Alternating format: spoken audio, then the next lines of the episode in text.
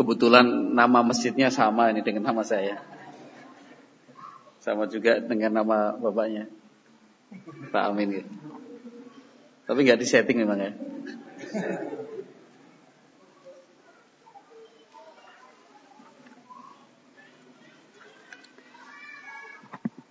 Bismillahirrahmanirrahim. Assalamualaikum warahmatullahi wabarakatuh.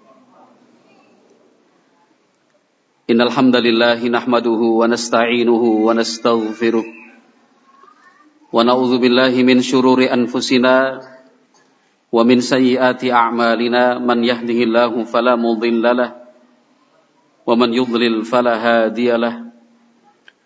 أشهد أن لا إله إلا الله وحده لا شريك له وأشهد أن محمدا عبده ورسوله لا نبي بعده.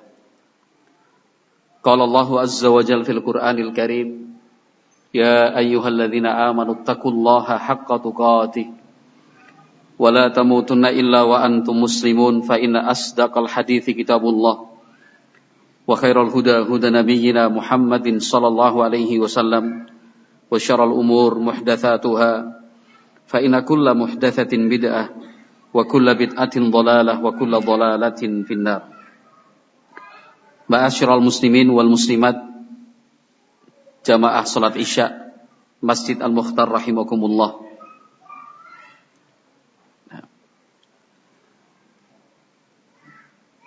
Nabi Muhammad sallallahu alaihi wasallam mengajarkan untuk kita sekaligus memberikan contoh langsung apa yang harus dilakukan oleh seorang hamba ketika akan dan harus menghadap Allah Subhanahu wa taala. Hal ini harus diingat. Jangan sampai lupa. Maka perlu kita saling mengingatkan bahwa tiap-tiap kita semuanya tanpa terkecuali akan kembali kepada Allah menghadap guna mempertanggungjawabkan apa yang sudah kita perbuat selama hidup di dunia. Kalau untuk urusan dunia saja ada namanya LPJ, laporan pertanggung jawaban. Itu di dunia. Ada yang LPJ ini LPJ-nya sebulan sekali. Ada yang satu tahun sekali. Ada yang dua tahun sekali. Ada yang lima tahun sekali. Itu urusan dunia. Nah, apa yang kita lakukan harus sesuai aturan. Tidak boleh melanggar. Yang kita perbuat harus dilaporkan urusan dunia.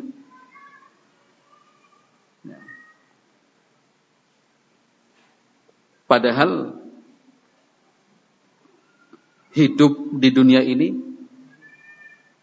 harus kita pertanggungjawabkan nanti di hadapan Allah Subhanahu wa taala. Harus menghadap. Tidak mungkin ada di antara kita yang bisa menghindar. Oh, kalau saya selamat tidak mungkin nanti akan dihadapkan kepada Allah. Itu sesuatu yang mustahil semua. Allah Subhanahu wa taala berfirman, "Wattaqu yauman turja'una fihi ilallah." Allah Subhanahu wa taala berfirman, "Wattaqu. Takutlah kalian. Yauman. Kepada satu hari. Turja'una fihi.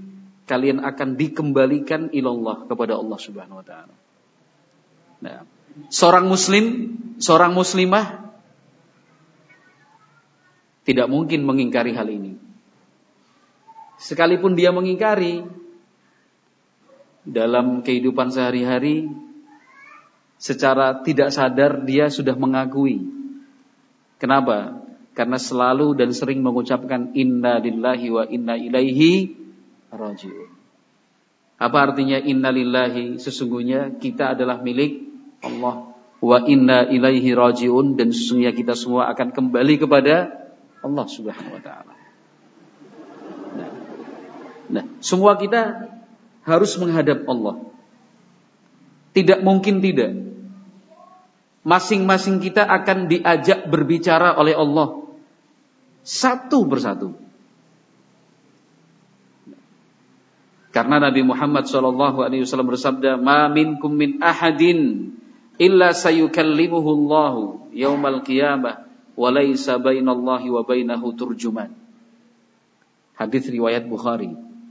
Nabi Muhammad SAW menceritakan, mengkabarkan untuk kita, setiap kalian akan diajak berbicara oleh Allah pada hari kiamat nanti. Tanpa ada perantara.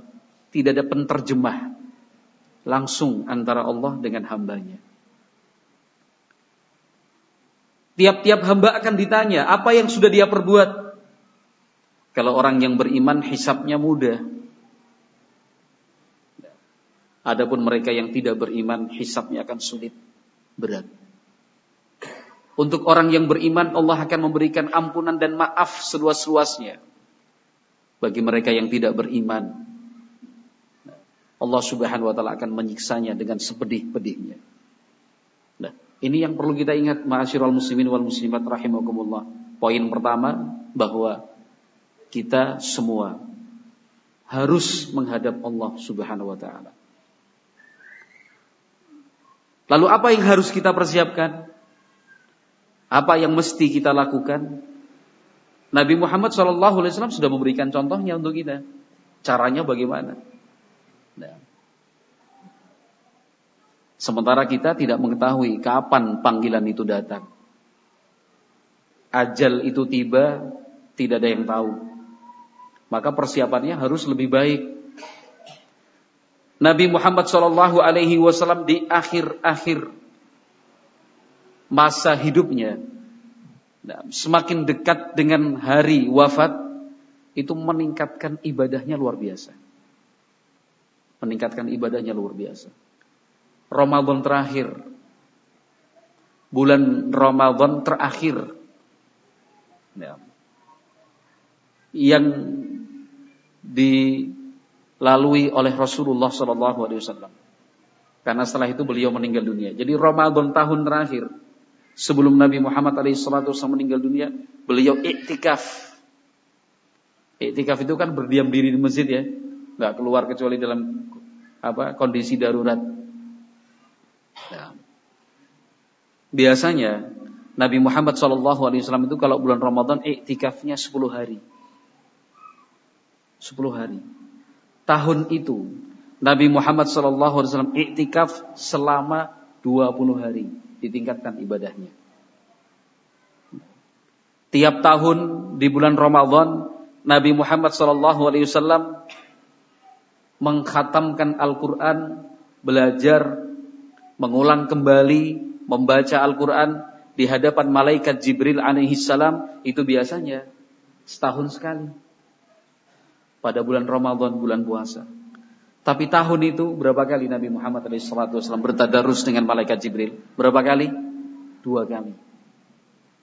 Nah, ini bukti kalau Nabi Muhammad SAW betul-betul mempersiapkan diri sebaik-baiknya sebelum menghadap Allah Subhanahu Wa Taala. Ibadahnya ditingkatkan. Nah, pada haji yang dilaksanakan Nabi Shallallahu Alaihi Wasallam yang disebut dengan Hajjatul Wada haji perpisahan. Kan bulan Ramadan, setelah Ramadan bulan bulan apa, Pak? Oh, setelah bulan Ramadan bulan Syawal. Ya kan? Setelah Syawal Dzul Qa'dah. Setelah Dzul Qa'dah bulan ke-12 dalam Islam bulan Dzul Hijjah. Muharram, Safar, Rabiul Awal. Akhir Safar Nabi Muhammad gerah, sakit meninggal dunia di awal bulan Rabiul Awal. Jadi urut-urutannya kita mulai dari bulan Ramadan. Ramadan, Syawal, Dzul Qa'dah, Dzul Hijjah, Muharram, Safar, Rabiul Awal. Kita mulai dari bulan Ramadan. Bulan Ramadan itu Nabi Muhammad sudah meningkatkan ibadahnya. Iktikaf biasa 10 hari menjadi 20 hari. Tadarus Al-Quran sekali dalam setahun di bulan Ramadan, tahun itu menjadi berapa kali? dua kali. Itu bulan Ramadan, Syawal, Zulqa'dah, Zulhijjah, bulan haji. Nabi Muhammad SAW melaksanakan ibadah haji. Memimpin para sahabat yang waktu itu jumlah jamaahnya 100 ribu lebih. Itu jumlah yang besar sekali. Begitu. Dalam sebuah kesempatan, Nabi Muhammad SAW menyampaikan kepada sahabat-sahabatnya, kata beliau, Inni la adri, la'alli la alqakum ba'da ami hadha bihadzal mauqifi abadan. Jadi di hadapan sahabat-sahabatnya, Nabi Muhammad SAW menyampaikan, sungguh, saya tidak tahu. Tahun depan kita masih bisa ketemu lagi apa enggak? Nah, maka perhatikan baik-baik pesan-pesanku ini. Karena Nabi Muhammad SAW memberikan beberapa pesan untuk sahabat-sahabatnya, untuk umatnya, termasuk kita. Waktu itu para sahabat belum menangkap isyarat yang disampaikan oleh Nabi Muhammad SAW. Karena Nabi Muhammad SAW sendiri pun tidak tahu kapan meninggalnya, kapan wafatnya. Kalau tanda-tanda iya, tapi untuk pastinya kapan meninggal tidak ada yang tahu. Bahkan Nabi Muhammad SAW pun tidak tahu kapan meninggalnya. Sehingga kalau ada orang mengaku tahu kapan meninggalnya, dia bisa bisa pastikan hari ini itu pasti bohong. Nah, kalau pas, mungkin harinya, jamnya belum tentu. Jamnya pas, kebetulan aja. Nah, kenapa? Karena Allah Subhanahu wa taala sudah menyatakan.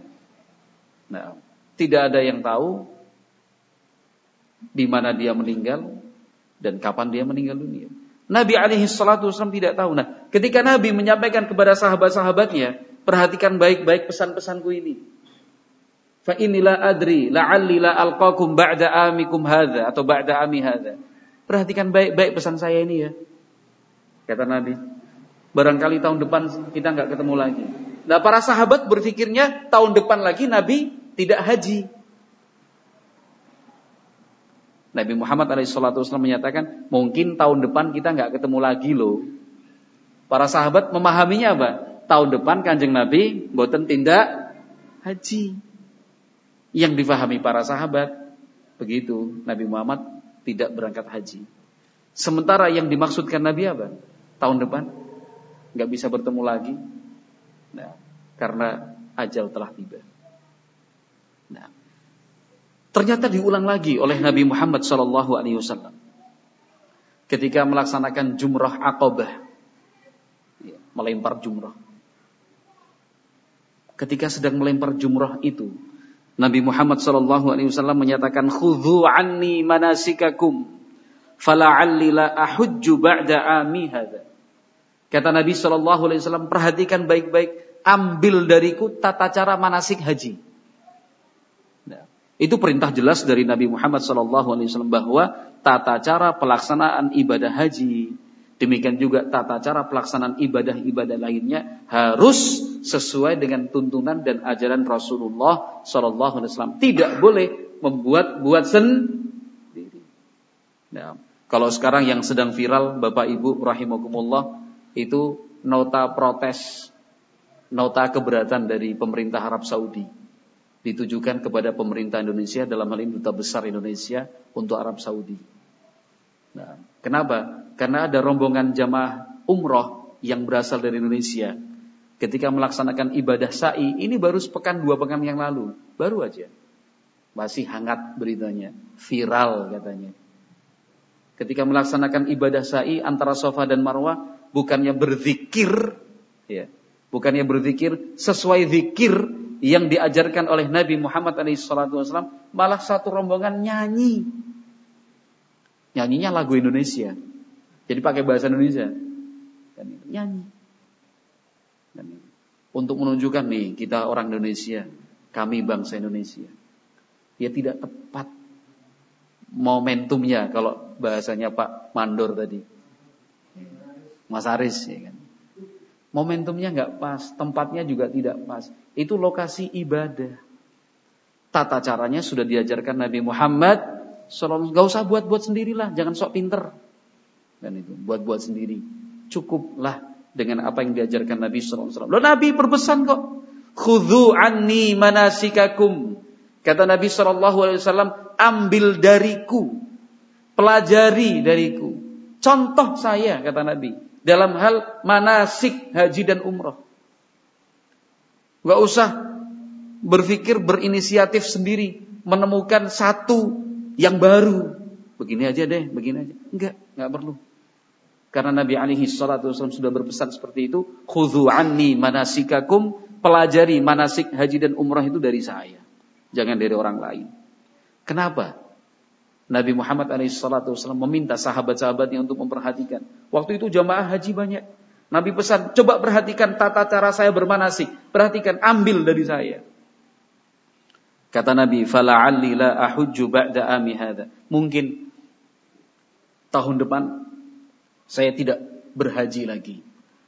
Lagi-lagi para sahabat fahamnya Nabi Muhammad buatan tidak haji. Tidak berangkat haji tahun depan. Kan, itu yang dipahami para sahabat. Padahal itu adalah isyarat dari Nabi Muhammad SAW bahwa itulah haji terakhir yang dilakukan oleh Nabi Muhammad Sallallahu Alaihi Wasallam. Gitu. Ini luar biasa. Pulang dari haji. Nah. Dua kali disebutkan dalam riwayat Nabi Muhammad Sallallahu Alaihi Wasallam malam-malam berkunjung dan ziarah kubur ke makam Baki. Makam Baki, makam para sahabat radhiyallahu anhum ajmain. Nah, di pertengahan malam, Nabi alaihi salatu wasallam ziarah kubur untuk mendoakan mereka serta mengingat kematian, bukan dalam rangka apa-apa, bukan ngalap berkah, boten. Boten tabarukan, boten. Nabi Muhammad itu datang ke sana berkunjung untuk membacakan doa dan juga mengingat kematian. Kata Nabi alaihi salatu wasallam, "Assalamualaikum ya ahlal maqabir." Keselamatan untuk kalian wahai para penghuni kubur. Ya. Nabi alaihi salatu wasallam membaca doa ziarah kubur. Di akhir doa Nabi alaihi salatu wasallam menyatakan, "Inna bikum lalahikun." Kata Nabi, sungguh kami akan menyusul kalian. Kami akan menyusul kalian. Itu pada awal bulan Sofar. Berarti kira-kira satu bulan sebelum meninggal dunia. Kira-kira satu bulan sebelum meninggal dunia. Lihat persiapan-persiapan yang dilakukan oleh Nabi alaihi salatu wasallam. Kata para ulama, seakan-akan Nabi Muhammad alaihi salatu wasallam telah menyampaikan salam perpisahan untuk mereka yang hidup sahabat-sahabatnya dan juga untuk sahabat-sahabatnya yang telah meninggal dunia. Nabi mengatakan inna bikum lalahikun sungguh kami akan menyusul kalian. Itu Nabi Shallallahu Alaihi Wasallam di akhir bulan Safar. Dua minggu kurang lebihnya sebelum Nabi Muhammad alaihi salatu wasallam meninggal dunia, Nabi alaihi salatu wasallam merasakan sakit kepala. Sakitnya luar biasa. Nah, Sampai kemudian beliau istirahat. Kurang lebih 11 hari lamanya Nabi Muhammad alaihi salatu wasallam memimpin salat berjamaah menjadi imam kurang lebih 11 hari dalam posisi Nabi sakit. 11 hari sakit luar biasa. Nah, sampai kemudian beliau sallallahu alaihi wasallam betul-betul tidak mampu untuk memimpin salat menjadi imam.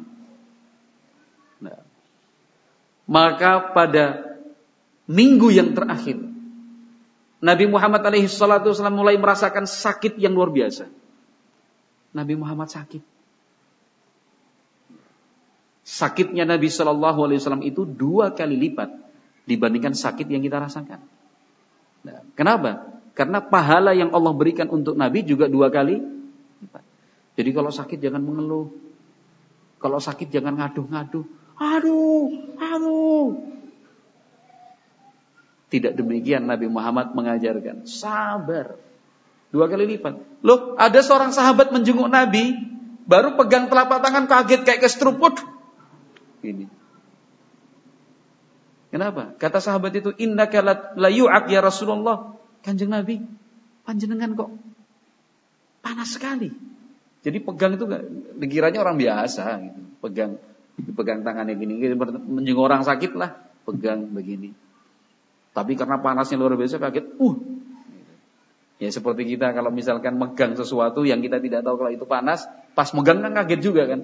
Waduh, misalkan ada di antara kita belum pernah makan sate hot plate. Uh, apa itu hot plate? Mas Kasim tahu nggak? Nggak tahu. Kok Pak Amin tahu? Hot plate itu sate atau makanan apa aja namanya hot plate. Hot panas, plate itu tempatnya. Jadi batu dibuat kayak mangkok gitu kayak piring itu nanti makanan di situ, daging-dagingan segala macam dimasukkan di situ, selesai dibakar dimasukkan di situ. Jadi panasnya awet. Panasnya itu awet. Biasanya batu gunung, batu hitam itu. Supaya apa? Satenya tahan panas. Panasnya tahan. Orang kalau nggak paham, pas disodorkan gini biasanya di bawahnya itu ada kayunya gitu. Kalau orang yang paham yang dipegang kayunya. Yang nggak paham, jelek begitu. Wah panas itu ya panas lah. Kurang lebih begitu. Ketika ada sahabat datang menjenguk Nabi Muhammad Sallallahu Alaihi Wasallam pegang, wah panas. Gitu. Iya, kata Nabi Ali Shallallahu Wasallam saya mengalami demam panas itu dua kali lipat dari panas yang kalian rasakan.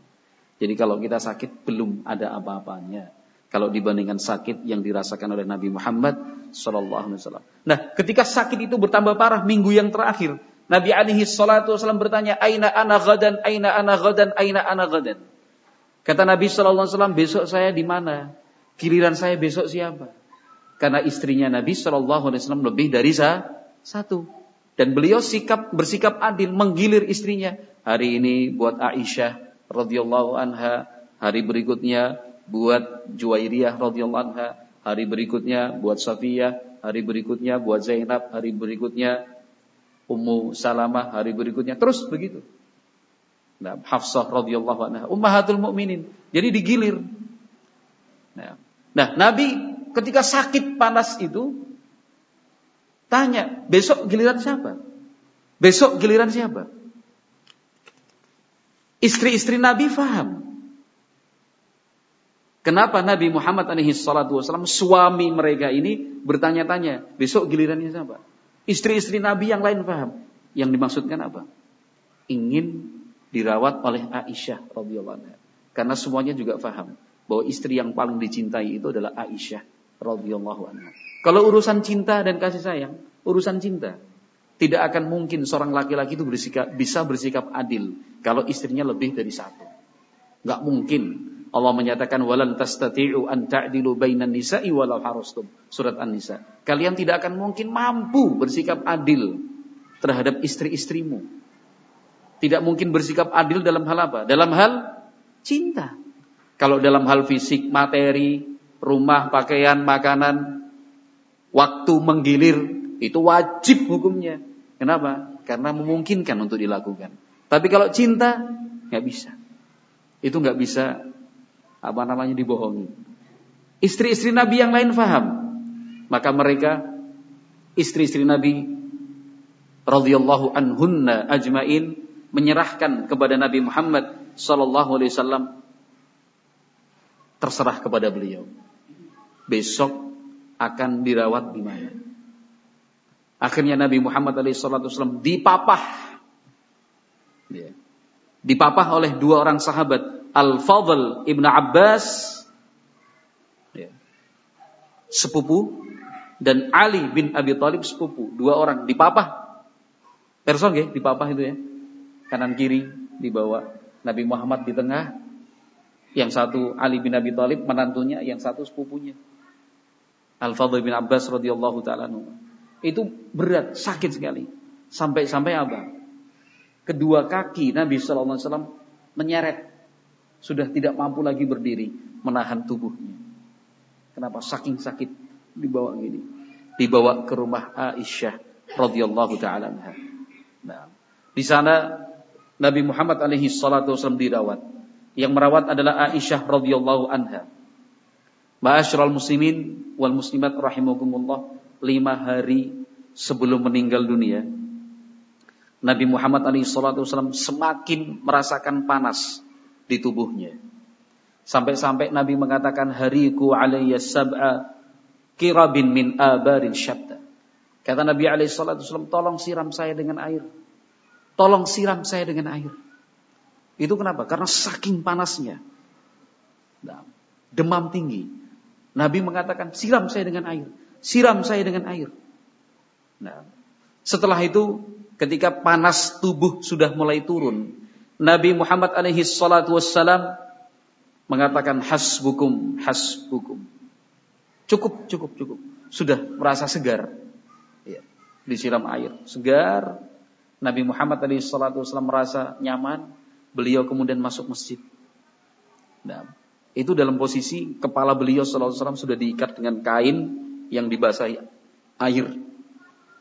Kalau kita bilangnya apa? Kompres. Dikompres, dingin. Kemudian Nabi alaihi salatu wasallam duduk di atas mimbar menyampaikan ceramah. Kaum muslimin para sahabat waktu itu kumpul semua. Kumpul mendengarkan isi ceramah Nabi Muhammad sallallahu alaihi wasallam. Dan di antara yang disampaikan Nabi Muhammad alaihi salatu wasallam saat itu lima hari sebelum meninggal dunia. Perhatikan.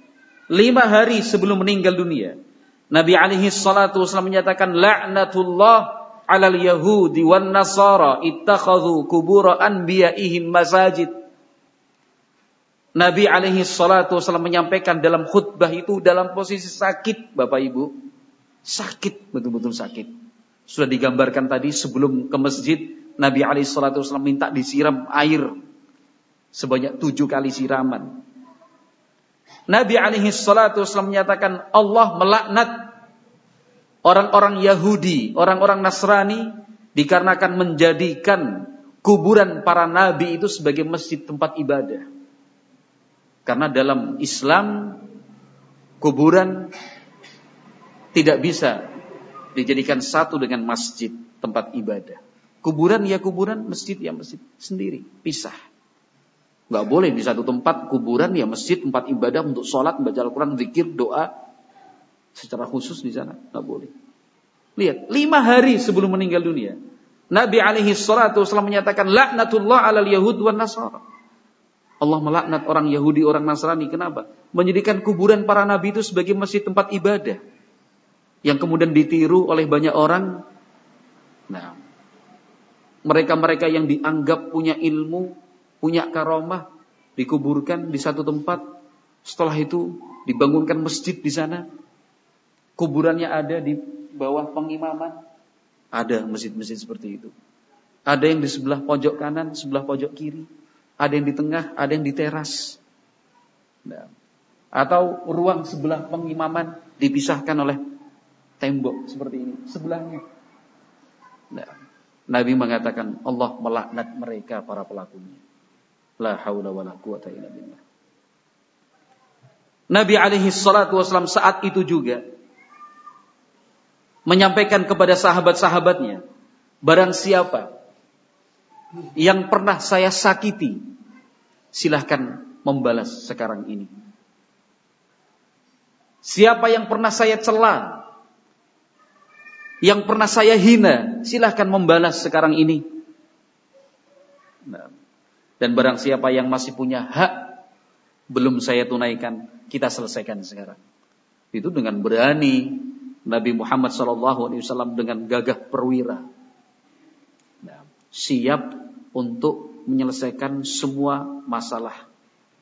Bukan lari dari kenyataan. Bukan sembunyi, bukan. Beliau wasallam mengajarkan kepada kita untuk tidak takut menyelesaikan masalah. Kalau memang kita pernah berbuat salah, datang minta maaf. Kalau kita memang punya utang piutang dalam hal muamalah, temui, akui, ya saya punya utang. Itu ajaran dari Nabi Muhammad SAW. Yang pernah dipukul balas sekarang kata Nabi SAW. Man kuntu jalattu lahu dhahran fahadha dhahri falyastakit minhu. Kata Nabi alaihi salatu memberikan contoh, barang siapa yang pernah saya punggung, saya pukul punggungnya, silahkan ini punggung saya. Balas. Waman waman kuntu syatamtu lahu 'ardan fahadha 'irdi falyastakit minhu. Orang yang pernah saya rendahkan, yang pernah saya hina kehormatan dan harga dirinya. Silahkan sekarang balas.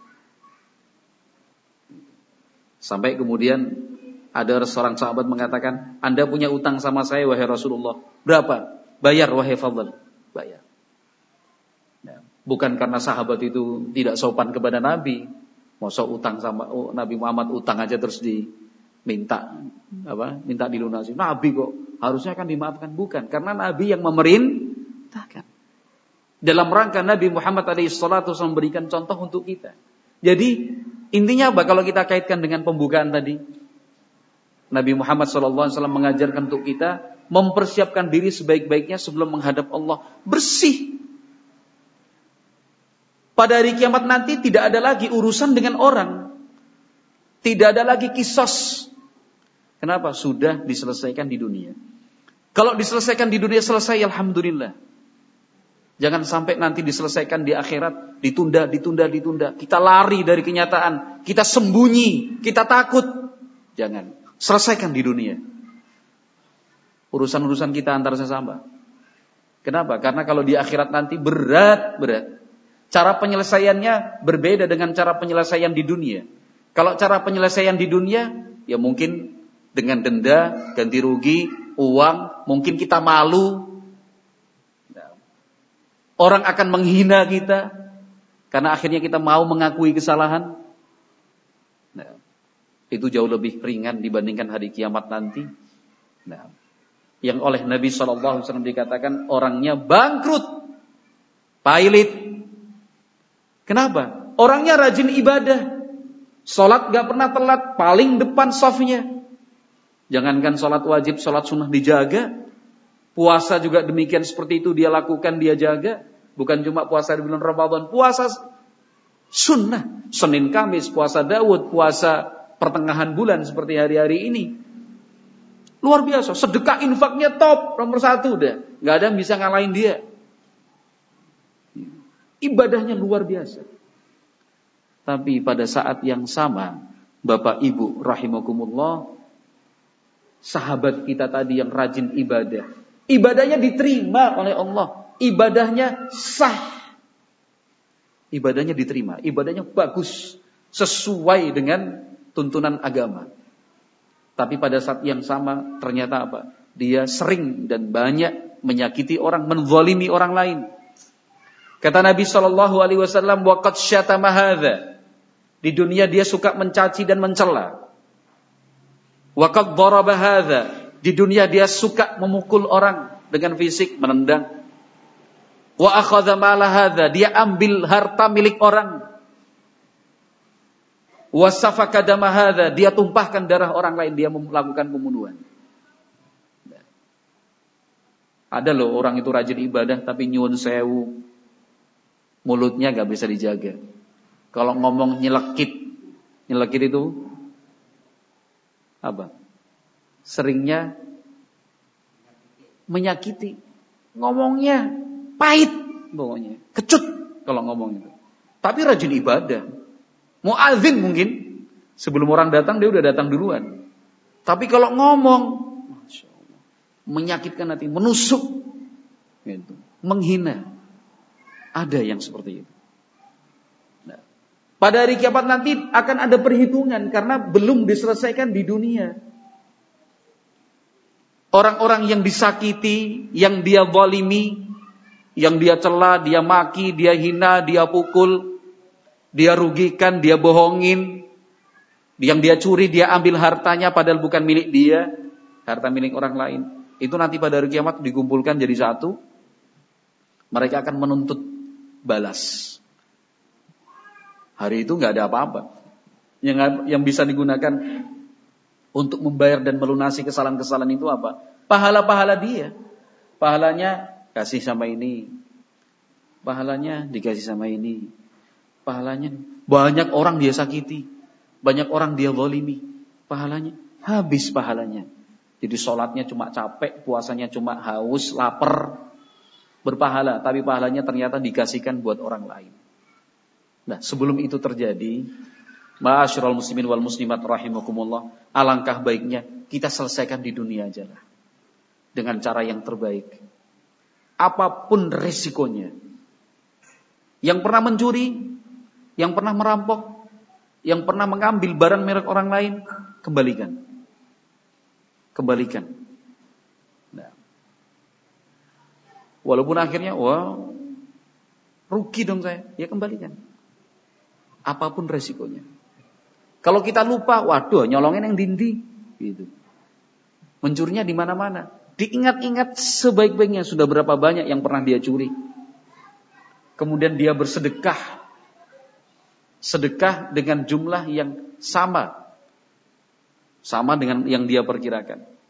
Pahalanya dia niatkan untuk orang-orang yang sudah pernah dia ambil hartanya. Yang pernah dirasani, dijelek-jelekkan nama baiknya, dijatuhkan, difitnah.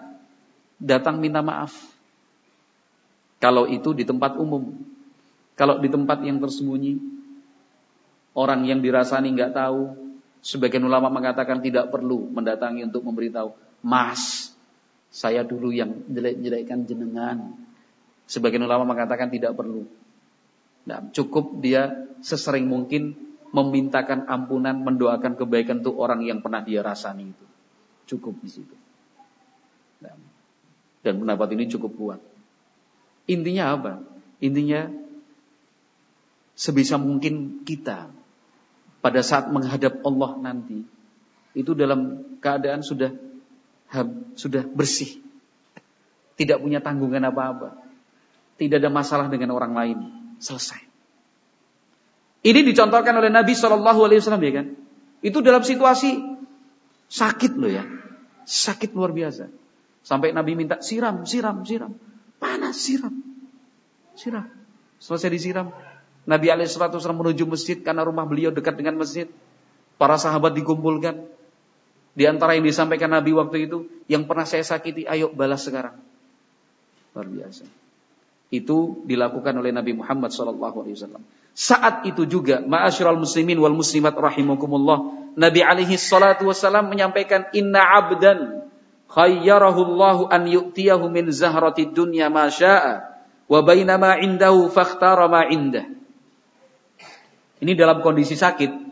Nabi alaihi salatu wasallam menyampaikan kepada sahabat-sahabatnya, sahabat-sahabatku, ada orang diberi dua pilihan. Pilihan pertama, Allah memberikan untuknya kesenangan-kesenangan dunia seperti yang dia maukan. Pilihan yang kedua, kenikmatan yang Allah janjikan di sisinya. Orang tadi, kata Nabi, orang tadi lebih memilih kenikmatan yang dijanjikan Allah di sisinya. Abu Bakar nangis. Sahabat-sahabat yang lain, wong tua ngopo? Kok nangis? Bukan cuma menangis, sahabat Abu Bakar mengatakan, "Fadaina kabi abaina wa ummahatina." Wahai Rasulullah, kami tebus Anda dengan orang tua kami. Yang penting Anda untuk kami. Nah, anda lebih berharga anda lebih kami cintai dibandingkan orang tua kami sendiri. Itu saking tingginya iman sahabat Abu Bakar As-Siddiq radhiyallahu anhu. Para sahabat mengatakan fa'ajibna lahu. Kami itu heran-heran sama Abu Bakar. Ngapain ngomong seperti itu? Oh Nabi cuma cerita. Ada orang dikasih pilihan. Hidup di dunia dengan senang atau memilih sisi Allah Subhanahu wa taala. Orang itu memilih apa yang Allah janjikan di sisinya. Itu aja kok nangis. Ngapain nangis? Kan itu. itu kalau bahasa kita. Kan. Ternyata memang kata sahabat yang meriwayatkan hadis dalam riwayat Bukhari mengatakan fakana Rasulullah wal mukhayyar. Ternyata waktu itu yang dimaksud hamba atau orang yang diberi pilihan itu adalah siapa? Rasulullah sendiri. Maka kami pun sadar bahwa Abu Bakar adalah orang yang paling alim di antara kami. Orang yang paling tinggi ilmunya. Kenapa? Karena bisa memahami dan menangkap apa yang disampaikan Nabi Shallallahu Alaihi Wasallam. Ma'asyiral muslimin wal muslimat rahimakumullah. Nah, terus hari berikutnya, hari berikutnya. Nah, sampai pada hari yang terakhir, hari Nabi Muhammad alaihi salatu wasallam meninggal dunia, wafat. Nah, jadi beliau tadi kita sudah sebutkan sakit berapa hari sampai meninggal dunia. Kurang lebih dua minggu. Dua minggu. Itu hari terakhir. Hari Senin, sholat subuh. Beberapa hari sebelumnya yang menjadi imam sholat itu Abu Bakar As-Siddiq. Karena Nabi Muhammad alaihi salatu wasallam tidak lagi mampu untuk memimpin sholat. Sakitnya bertambah parah. Nah, yang memimpin sholat subuh siapa? Sahabat Abu Bakar. Di belakang sahabat banyak sekali. Nah, rumah Nabi Shallallahu Alaihi Wasallam itu berdampingan dengan masjid, satu tembok dengan masjid. Rumahnya Nabi di sebelah kiri dari imam.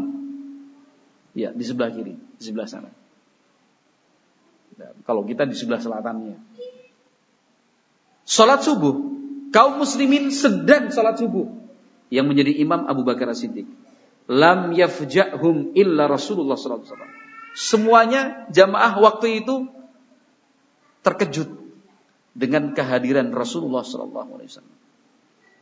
Karena Nabi Muhammad alaihi salatu wasallam waktu itu membuka tirai. Jadi rumahnya Rasulullah itu jajar, Pak.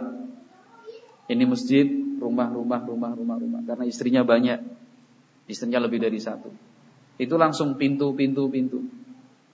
Penutupnya apa? Cuma kain. Saking sederhananya Rasulullah SAW.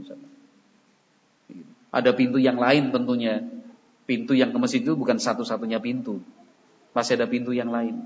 Tapi Nabi Muhammad punya akses langsung ke masjid. Kaum muslimin sedang sholat subuh. Bisa kita bayangkan, sedang sholat subuh.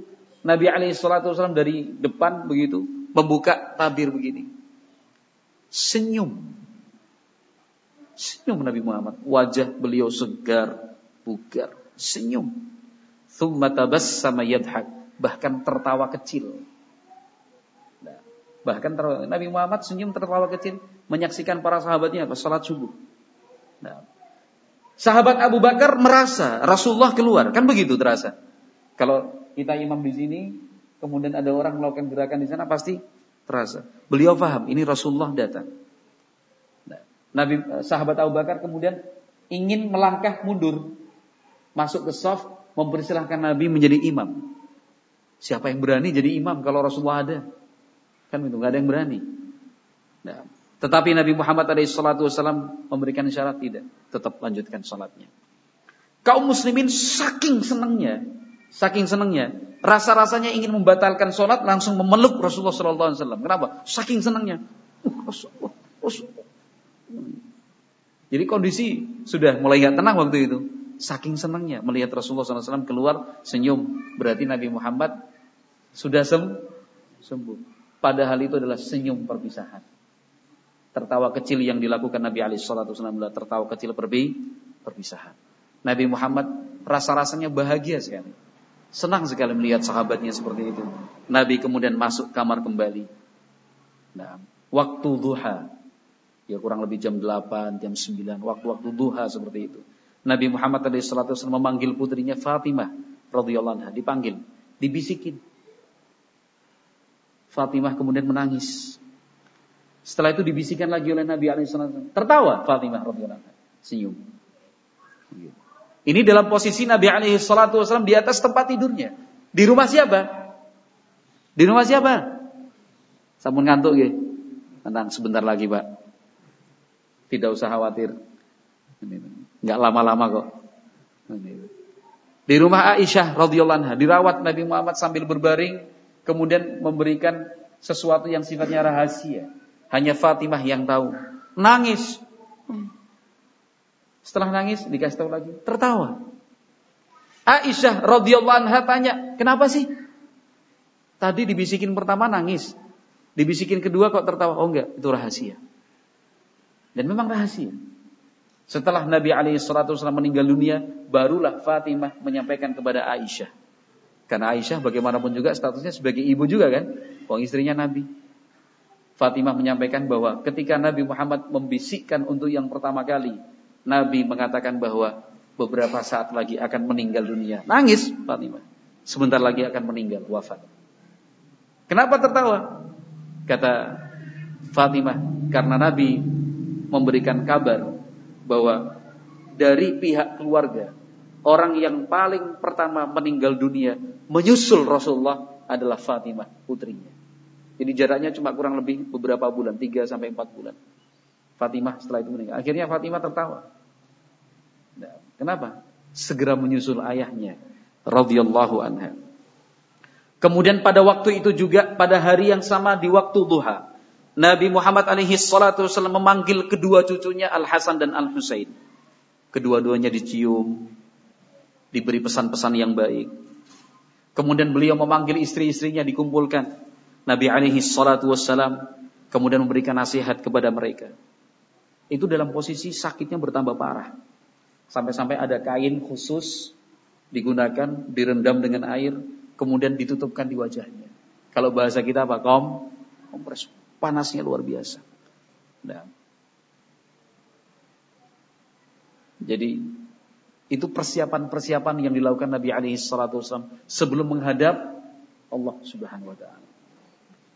Jadi detik-detik terakhir sebelum meninggal dunia, Nabi alaihi salatu wasallam masih mengingatkan laknatullah 'alal yahud Wan nasara ittakhadhu kubur anbiya'ihim masajid.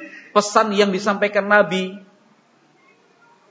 beberapa hari sebelumnya, yaitu lima hari sebelum meninggal dunia, diulangi lagi detik-detik terakhir sebelum meninggal dunia. Kata Nabi, Allah melaknat orang-orang Yahudi dan Nasrani karena menjadikan kuburan para nabi sebagai masjid tempat ibadah. Gak boleh kaum muslimin mengikuti langkah-langkah mereka. Nah, beribadah di kuburan, sholat di sana, zikir di sana, buat acara, pasang teratak segala macam. Gak ada aturannya dalam agama. Lihat Nabi Muhammad, bukan saya. Nabi Muhammad SAW lima hari sebelum meninggal dunia mengingatkan. Detik-detik terakhir sebelum meninggal dunia mengingatkan lagi. Jadi bukan masalah sepele. Saat itu juga Nabi alaihi salatu wasallam menyatakan as-salat as-salat Jaga salatmu, jaga salatmu. Itu pesan terakhir sebelum Nabi meninggal loh. Jaga salatmu, jaga salatmu. Ya ini introspeksi buat kita. Nah, yang selama ini masih kurang perhatian dengan salat lima waktu, mohon maaf Bapak Ibu J. Karena ini pesan kanjeng Nabi Alaihi Wasallam. Bahkan pesan ini disampaikan beberapa saat sebelum meninggal dunia. Itu berarti pesannya sangat pen karena disampaikan sesaat sebelum meninggal dunia. Itu tandanya penting sekali. Nabi mengatakan as-salat as-salat. Nah, kerja ya kerja, silahkan. Monggo. Punya kegiatan dan aktivitas, silahkan, silahkan. Monggo. Yang berdagang, yang berternak, yang bertani, ya, yang cari ikan, yang jual beli, yang jalan-jalan, yang refreshing, Monggo silahkan. Selama itu halal dan dibolehkan syariat. Tapi ingat jaga sholat. Sholatnya dijaga. Secapek-capeknya kita tetap sholat dijaga. Sholat lima waktu itu. Nah, karena apa? Karena pesan dari Nabi Shallallahu Alaihi Wasallam. Pada saat itu Nabi Muhammad SAW kemudian menyandarkan kepala beliau di atas pangkuan Aisyah radhiyallahu taala anha. Nah, dalam posisi seperti itu, Nabi Muhammad dipangku oleh Aisyah radhiyallahu anha.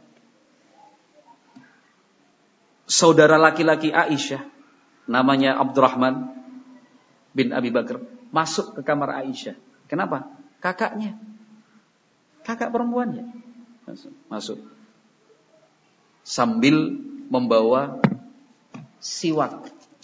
Jadi kalau kita bayangkan ini kamarnya Rasulullah, tapi kamarnya Rasulullah kecil loh ya. Rasulullah berbaring di bangku Aisyah. Pintu terbuka. Yang masuk siapa? Abdurrahman bin Abi Bakar. Iparnya Rasulullah. Masuk ke dalam kamar itu sambil membawa siwak. Nabi Muhammad memperhatikan terus melihat begini. Aisyah faham. Akhudhuhulak. Kata istrinya. Saya ambilkan siwak itu. Nabi Muhammad kemudian ngasih tanda. Kenapa? Sudah susah berbicara. Apa tandanya ini? Ya, ambilkan. Setelah itu siwak diambil oleh Aisyah. Yang namanya siwak itu sebelum dipakai biasanya digigit dulu. Oke. Digigit supaya kulitnya itu hilang. Kulitnya diambil terus di digigit dihaluskan, dilembutkan supaya serat-seratnya itu muncul. Seperti apa? Sikat gigi. Gitu udah lembut, diserahkan kepada Nabi Shallallahu Alaihi Wasallam. Nabi kemudian bersiwak.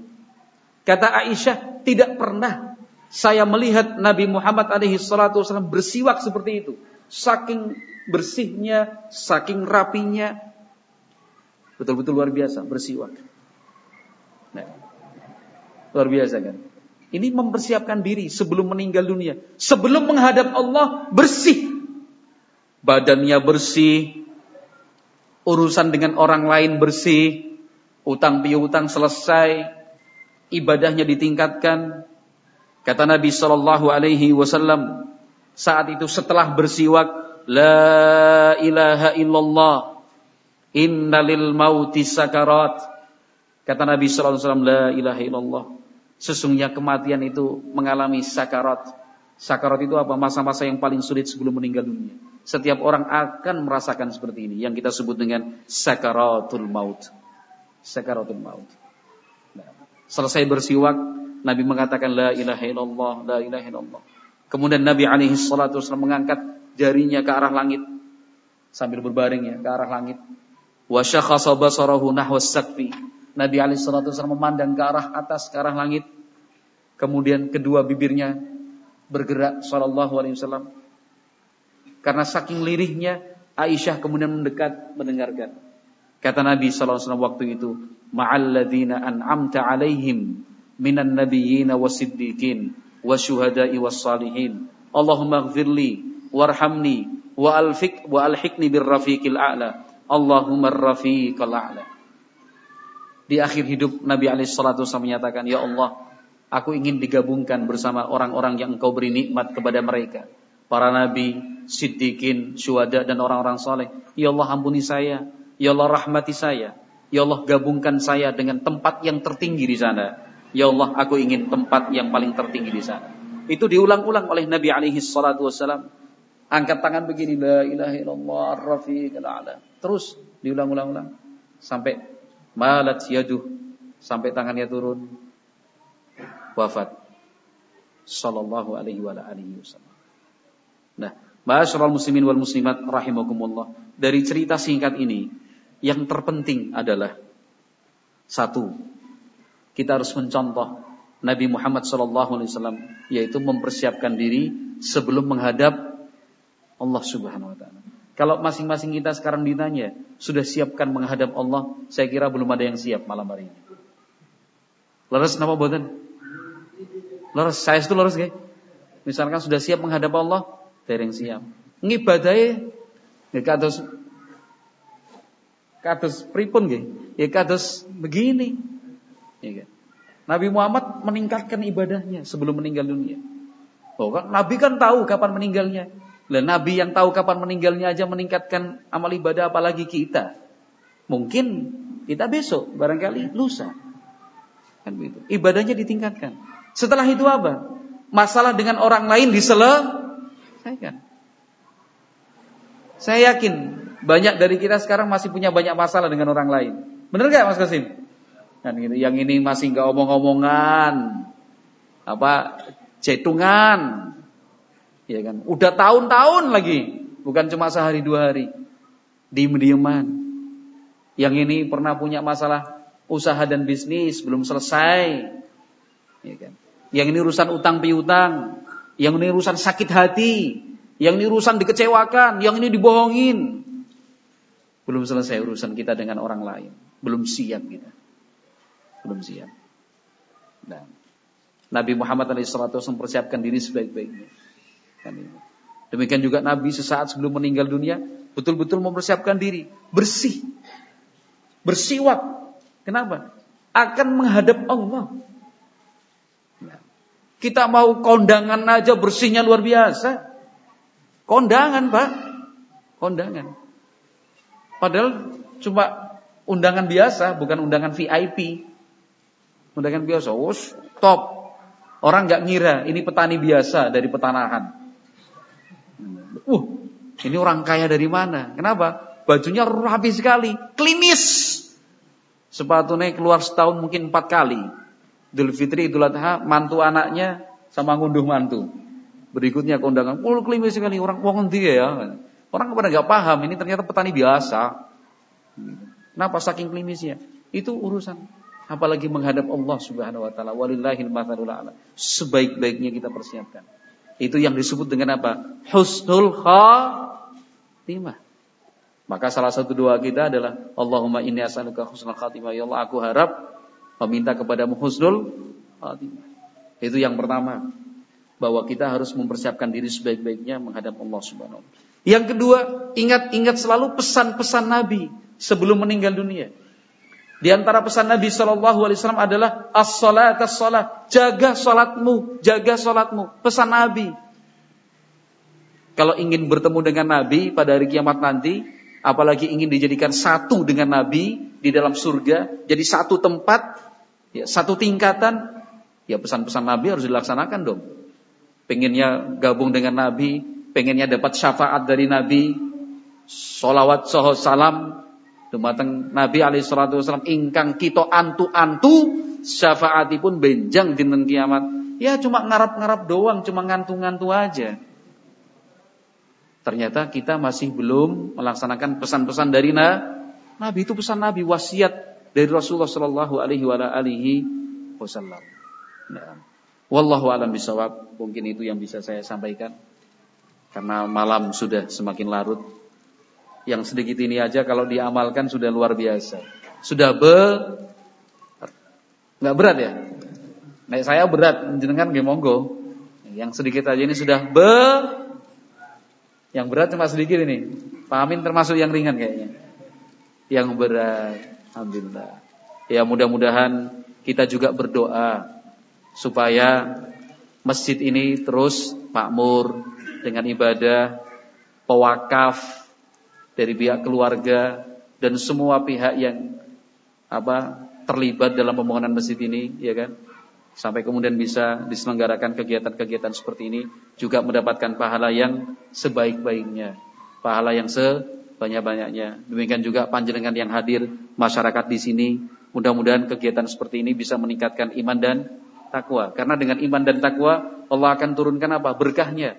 Allah berfirman, "Walau anna ahlal qura amanu wattaqau la fatahna 'alaihim barakatin minas sama'i wal ardi." Seandainya penduduk suatu negeri beriman dan bertakwa, kata Allah dalam firman-Nya, akan kami bukakan untuk mereka pintu-pintu berkah. Berkah akan tercurah dari langit, dari bawah bumi. Berkah. Sukses, selamat. Gitu. Wallahu alam bisawab. Mudah-mudahan bermanfaat. Subhanakallahumma wa bihamdik. Asyhadu an la ilaha illa anta astaghfiruka wa atubu ilaik. Warahmatullahi wabarakatuh.